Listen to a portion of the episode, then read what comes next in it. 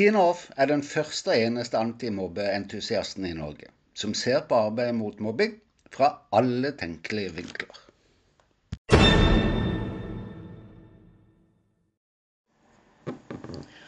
Alle vet at når en må sette inn ekstra personell, så koster det jo penger. Og jo flere personer som må settes inn, jo mer koster det. Og kostnader, de skal dekkes. Pengene i mobbesaker kommer fra en rekke kasser, som skolekassa, kommunekassa, fylkeskassa og statskassa. Men de kommer også fra familiers personlige pengekasse. Uten tvil er pengekassene barna trenger, at det alltid er nok penger i det er skolekassa og familiers pengekasse. Bare da vil skole og hjem kunne stå fritt til å gi barna og eleven den hjelpen de trenger, fremfor hva en har råd til. Realiteten er jo motsatt. Å sørge for en god finansieringsordning vil kunne spare samfunnet for mange kroner i framtida, som også har potensial i seg for bedre nytte. Klart det er verdt å snakke om. Velkommen til episode 9 i sesong 2. I dag er jeg forkjøla og har en rusten stemme, og du må bare ha meg litt unnskyld. Og i, i tillegg så skal jeg altså da langt utenfor mitt kompetansefelt og snakke om penger. Men det er et viktig tema å løfte. Kan mine erfaringer med pengebrukens effekter og konsekvensene som jeg erfarer i mobbesaker, kaste lys over kost versus nytte? Ja, så kanskje kan det også peke på pengefordelinger med potensial for bedre effekt for elevene også. Ja, og da syns jo jeg at det er verdt det. La oss starte med dagens logikk med noe, noen eksempler.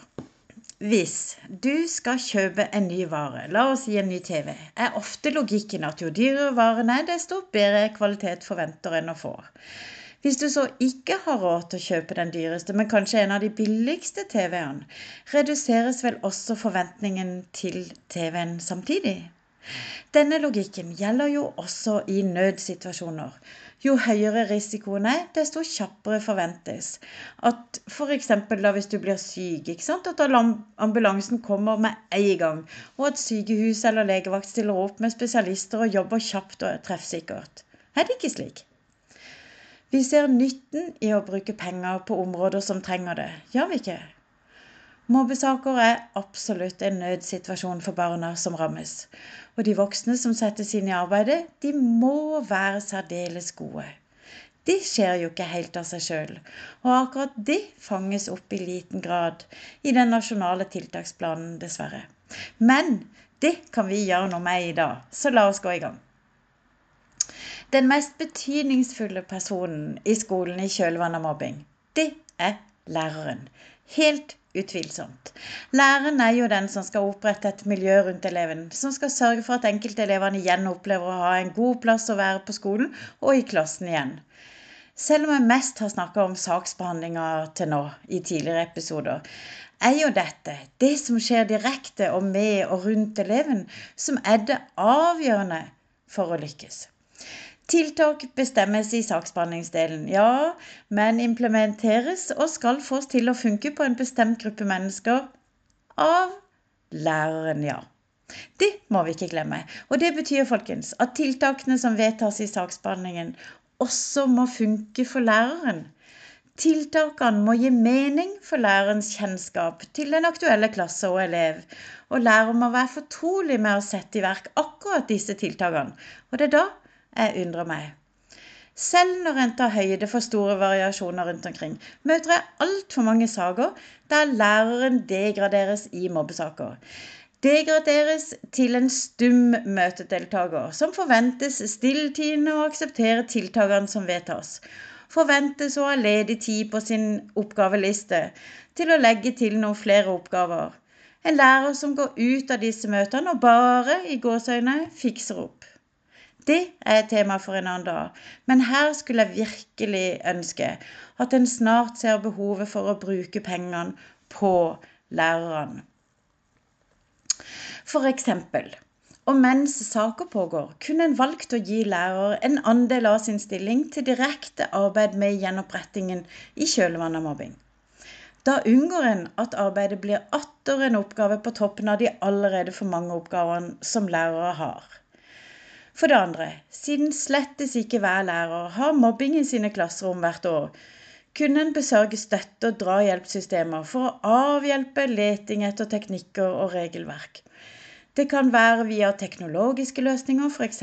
automatisering av de ulike gjøremål, tilgang på tiltaksbanker, og kanskje til og med å gi de best practice-arenaer. For det tredje, ettervernarbeidet drukner nesten fullstendig i dag i lærerens øvrige arbeidsmengde, men er så viktig for eleven kunne en ha gitt lærere kompensasjon for merbelastningene ved å stå i utfordrende ettervernsarbeid, altså der senskadene til elevene er store. En kompensasjon for belastningene for læreren kan føre til en oppvåkning på dette området også, tenker jeg da. Og også på ettervernsarbeid vil det være lurt å ha støtte- og drahjelpssystemer for å avhjelpe. De tingene jeg nevner, koster jo penger. Både å allokere stillingsprosenter til direkte arbeid med mobbesak, kompensasjon for merarbeid og å lage disse her støtte- og drahjelpssystemene. De vil koste i kroner og øre, men de vil ta lærerens faktisk arbeid på alvor, og i samme slengen skape bedre kvalitetssikring. Og systemene, de må altså være som den hotteste av de hottete TV-ene på markedet. Det må være virkelig bra. Det som ikke koster penger, da, men som underkjennes i altfor mange saker, er praksisen og betydningen av nærledelse i mobbesaker. Ja, altså for treffsikkerheten. Denne nærledelsen som jeg prater om, det er det ikke rektor som driver, men læreren i det faktiske klasserom. Hvis en lærer opplever å ha gode støtteordninger i ryggen, så tror jeg at lærerens stemme faktisk er den avgjørende for valg av tiltak. Nei, det underkjenner ikke betydningen av innspillene, samtalene eller møtene mellom skole og hjem og alle andre instanser som er involvert i mobbesaker. Overhodet ikke. Men læreren evner faktisk å kombinere både innspill, elev, klasse med tiltak. Og om jeg er sikker på det? Vel, er det ikke denne arbeidsformen læreren er ekspert på? Altså å kombinere læreplanenes krav med fagstoff og så tilpasse formen til konkrete elevgrupper. Hm, jeg må bare gjenta. Det er læreren som skal gjøre jobben. Og det gjør lærerstemmen viktig også i saksbehandlinga. En annen rolle i skolen som kan bli like viktig i mobbesaker, det er assistenten som settes inn. De enorme variasjonene som får operere i dag, gjør assistentordningen altfor tilfeldig om vi lykkes. Jeg sier det, for uten solid erfaring og kompetanse på mobbing, sosiale mekanismer, helsekonsekvenser osv., ser jeg gang på gang at elever blir vurdert ufaglig og mer som ren synsing. Det kommer av at uten kvalitet er det gjerne elevens symptomer, altså atferden til eleven, som gis en oppfatning om, fremfor å ta utgangspunkt i årsak, altså fenomenet mobbing, ulike reaksjonsmønstres betydning, mobbingens mulige konsekvenser osv. Vi skaper heller ikke rom for utvikling med dagens assistentordning. Der jeg mener vi bommer litt, er troen på at enkeltkurs kan kompensere for mangler i skolefaglig bakgrunn, eller at en assistentrolle ikke trenger skolefaglig bakgrunn. Er det ikke motsatt?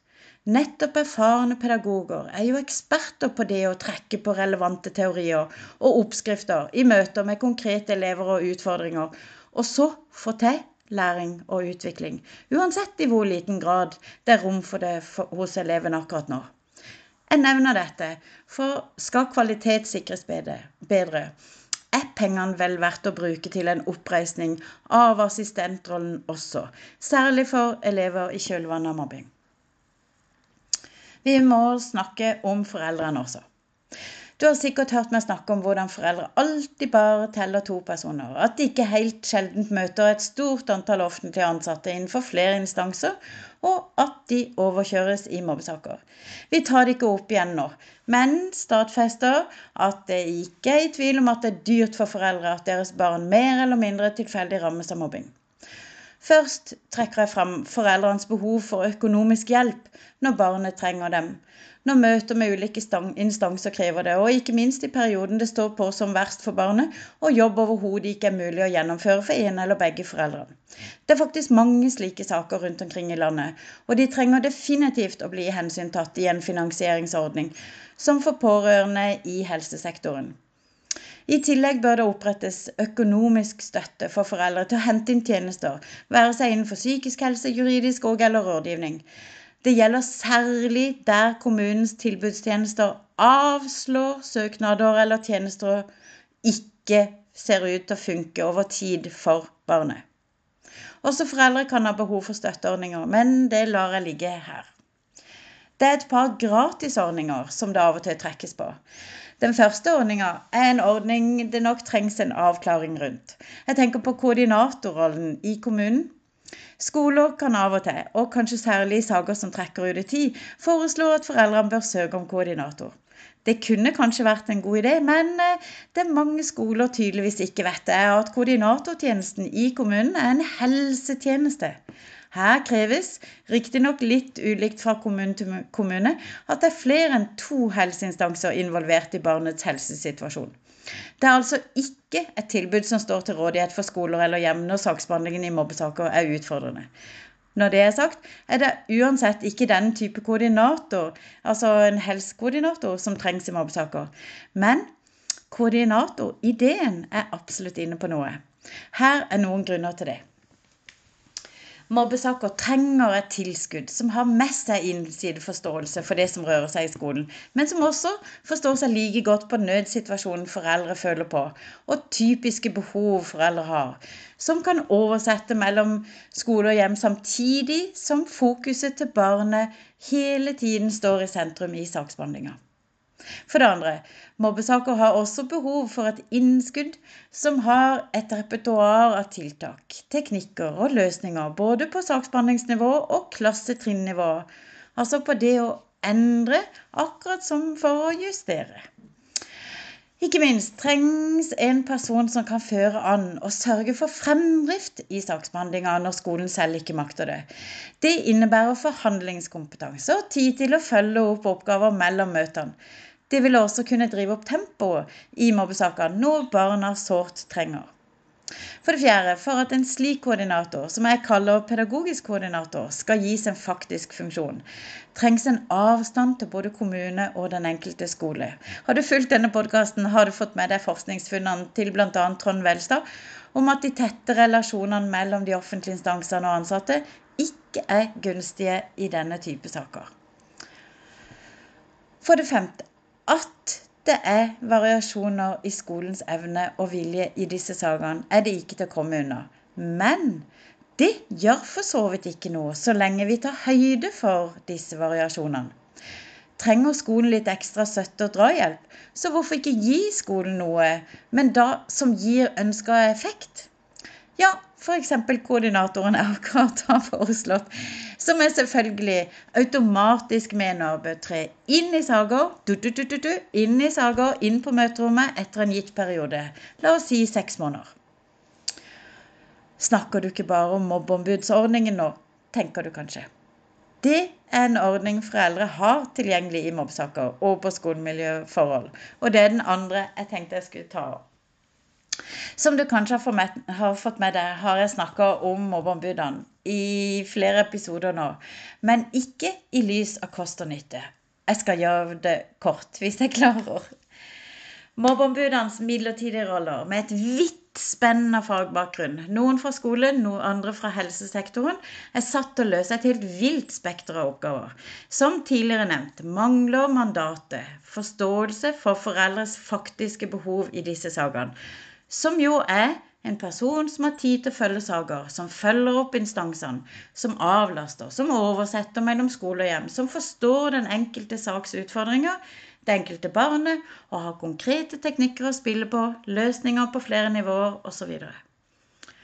å makte endre hvordan saker håndteres, og redusere presserende risikoer, altså fjerne uheldige eller negative mekanismer i sving, balansere ut den asymmetriske maktfordelinga, få opp tempo og skape positive resultater både i saksbehandlinga og for elevene direkte, har den tilfeldige kompetansen og rollens flyktige deltakerstruktur ikke mulighet til å makte, dessverre. Det er ingenting med dagens mobbeombuds varme hjerter og engasjement for både barna som opplever mobbing, og arbeidet mot mobbing generelt. For det er det altså ingen tvil om at hver og en av de har. Virkelig. Det jeg kritiserer, er at alle områdene de skal dekke, er altfor mange til at mobbeombudene kan klare å bli gode på hvert av de mange områdene de er satt til. Ikke gis de noe solid eller felles opplæring heller. Det er kanskje ikke så rart, da. Fordi det er ikke noen instans i dag som besitter erfaringskompetanse på de mange fasetter som utspiller seg i disse sakene, på de ulike skolene, i de ulike delene av landet, og som dermed makter å finne de helhetlige løsningene. Unnskyld. Tilbake til foreldrene. Når foreldre da avslører at de to ordningene som vi akkurat har snakka om, eh, helsekoordinatoren og mobbeombudene ikke svarer på de behovene som foreldre har, eller deres barns situasjon ikke blir bedre, hva annet har foreldre å ty til da? Det som typisk skjer, eller som jeg erfarer da, er at foreldre selv forsøker å argumentere ut fra regelverket. Altså hva de har krav på at skal skje. Og når de ikke kommer noen vei, så ringer de til en advokat for hjelp. Foreldre bruker tusener på tusener av kroner i sin mer eller mindre slunkne pengekasse på advokaters lesing av dokumenter, deltakelse i møter, skriving av skrive og argumentering av lovbestemmelsene i skolemiljøloven. For en advokat kan det hele se ut som å være en grei oppgave. Det er bare det at skolen rører ikke på seg om den ikke selv vil eller trenger å gjøre det, være seg overfor en forelder eller advokat. Og uten forståelse for skoler og de sosiale mekanismene i spill i mobbesaker, resulterer innhentingen av advokater ofte en forverrelse i saksbehandlinga. Skoler som har vært utfordrende å samarbeide så langt, blir i alle fall ikke mer samarbeidsvillige med en advokat til stede. Og jeg har lyst til å holde på denne påstanden, nemlig at skolen ikke endrer seg uten å måtte trenge det. Jeg kommer tilbake til det i det neste skrittet foreldre kan velge, nemlig ved prøving av mobbesaker for domstolen. Rent kostnadsmessig, bare for å ta det først, snakker vi om hundretusener, kanskje millioner av kroner for foreldre, og viser seg altså ofte å bli et tapsprosjekt, dessverre. Jeg hørte her forleden at foreldre ser ut til å vinne fram i ca. én av tolv rettssaker av denne typen i dag. Én av tolv! Det er altså helt tullrusk. Både for rettssikkerheten, men også kostnadsmessig.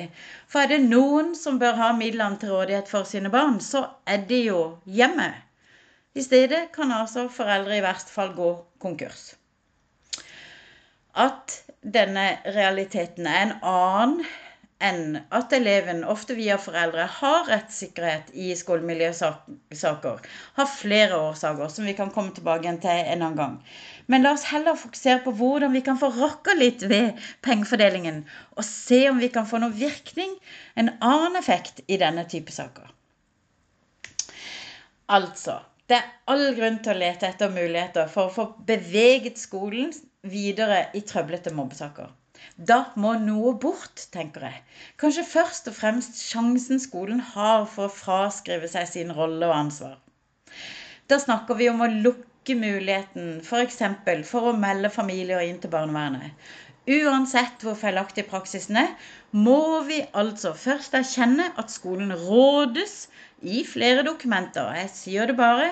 Det rådes på ulike papir nasjonalt og regionalt om å sende slike bekymringsmeldinger. Dokumentene og veilederne må endres, og det er klart de må endres eller fjernes umiddelbart. Men viktigst er effekten en slik justering vil ha. Det vil nemlig kunne sørge for at skolens mulighet for å sende bekymringsmeldinger lukkes en gang for alle i mobbesaker. Det koster ingenting, men det gjør altså virkelig rettssaker. Det fiffige da ved rettssaker, det er altså da at det skjer et skifte fra eh, Altså det skjer et skifte til at det er kommunen eh, som er foreldrenes faktiske eh, motstander i, i, i rettshallen, ikke skolen. Heller ikke når ansvaret virkelig skal stås til rett for, må altså skolen forholde seg til sin egen prestasjon. Å få kommunen som motpart fører til en helt ny dimensjon i maktskjevhet og ressursfordeling eller ressursforskjeller. Og det åpner for nettopp den overkjøringa av enkeltfamilier som vi ser i rettssak etter rettssak. For det viljen til å bruke penger på å ruste opp er jo da veldig stor i kommuner. Og midlene til disposisjon det, da snakker vi jo ikke lenger om en slunken skolekasse. De er nærmest ubegrensa i kommuner. Selvfølgelig så har jo ikke noe eksakt totaloversikt eller gjennomsnitt for kommuners kostnader i forbindelse med rettssaker. Men jeg ser jo om og om igjen at kommunen bruker uforholdsmessig stor innsats på nådeløst å kjøre over hjemmet på alle tenkelige måter. Både innholdsmessig og økonomisk. Og det er da jeg lurer på om vi ikke kan få til én endring på to områder. Hva om kommunen eller kommuner begrenses i sin adgang til ressursbruk, altså pengebruk, i alle saker der elever og skolens håndtering eller kvalitet prøves? Det kan sikkert gjøres på flere måter enn jeg kjenner til. Men forslag jeg kommer på, det er altså at kommunen ikke gis mulighet til å overstige kostnaden hjemmet har anledning til å bruke til sitt forsvar. Eller at begge parter gis et fast beløp til bruk til forsvar for egen side. Eller at foreldre gis tilsvarende advokatbistanden, altså kostnadene koster til advokater som kommunen bruker, som da gis til familien. Eller at saksomkostninger ikke kan pålegges i hjemmet, uansett hvordan saken går. Det mest ønskelige er jo selvfølgelig at det både etableres begrensninger, men også at skolen gis det faktiske ansvaret om å stå i det helt ut. Først da vil viktigheten, tror jeg, av og viljen til å få løst mobbesaker kanskje også nå helt frem og inn i skolen. Poenget mitt er at pengestrategien, også i mobbesaker, har potensial i seg for å skape effekter til beste for elevene som mer eller mindre tilfeldig altså rammes av mobbing. Jeg gir meg her. Men jeg håper at hvis du er en av de som har greie på finansieringsordninger, eller har ideer eller innspill til hvordan en kan få til bedre virkninger av penger som går med fra en eller mer, mer eller mindre slunken pengekasse, håper jeg at du tør å la høre fra deg. Særlig så er jeg på jakt etter løsninger når foreldre prøver saken for domstol. Kan vi løse den utfordringen? Kan vi få stoppa den store urett og manglende rettssikkerhet elever og familier opplever når kommunen blir motpart? Ja da, som læreren også erfarer. Men det er altså et tema for en annen dag. Som sagt, har du ideer, ta gjerne kontakt på Facebook-siden Antimobbeentusiasten. Eller finn meg på Instagram at hofftine. H-O-F-F-T-I-N-E. Jeg er helt overbevist om at det må være mulig å komme opp med bedre løsninger på pengeforbruket i disse sakene enn vi har i dag. Som gir bedre nytte og sørger for hjelp raskere for barna og unge i kjølvannet av mobbing. Og at det er noen der ute som sitter på noen knallgode ideer. Ha ei god uke.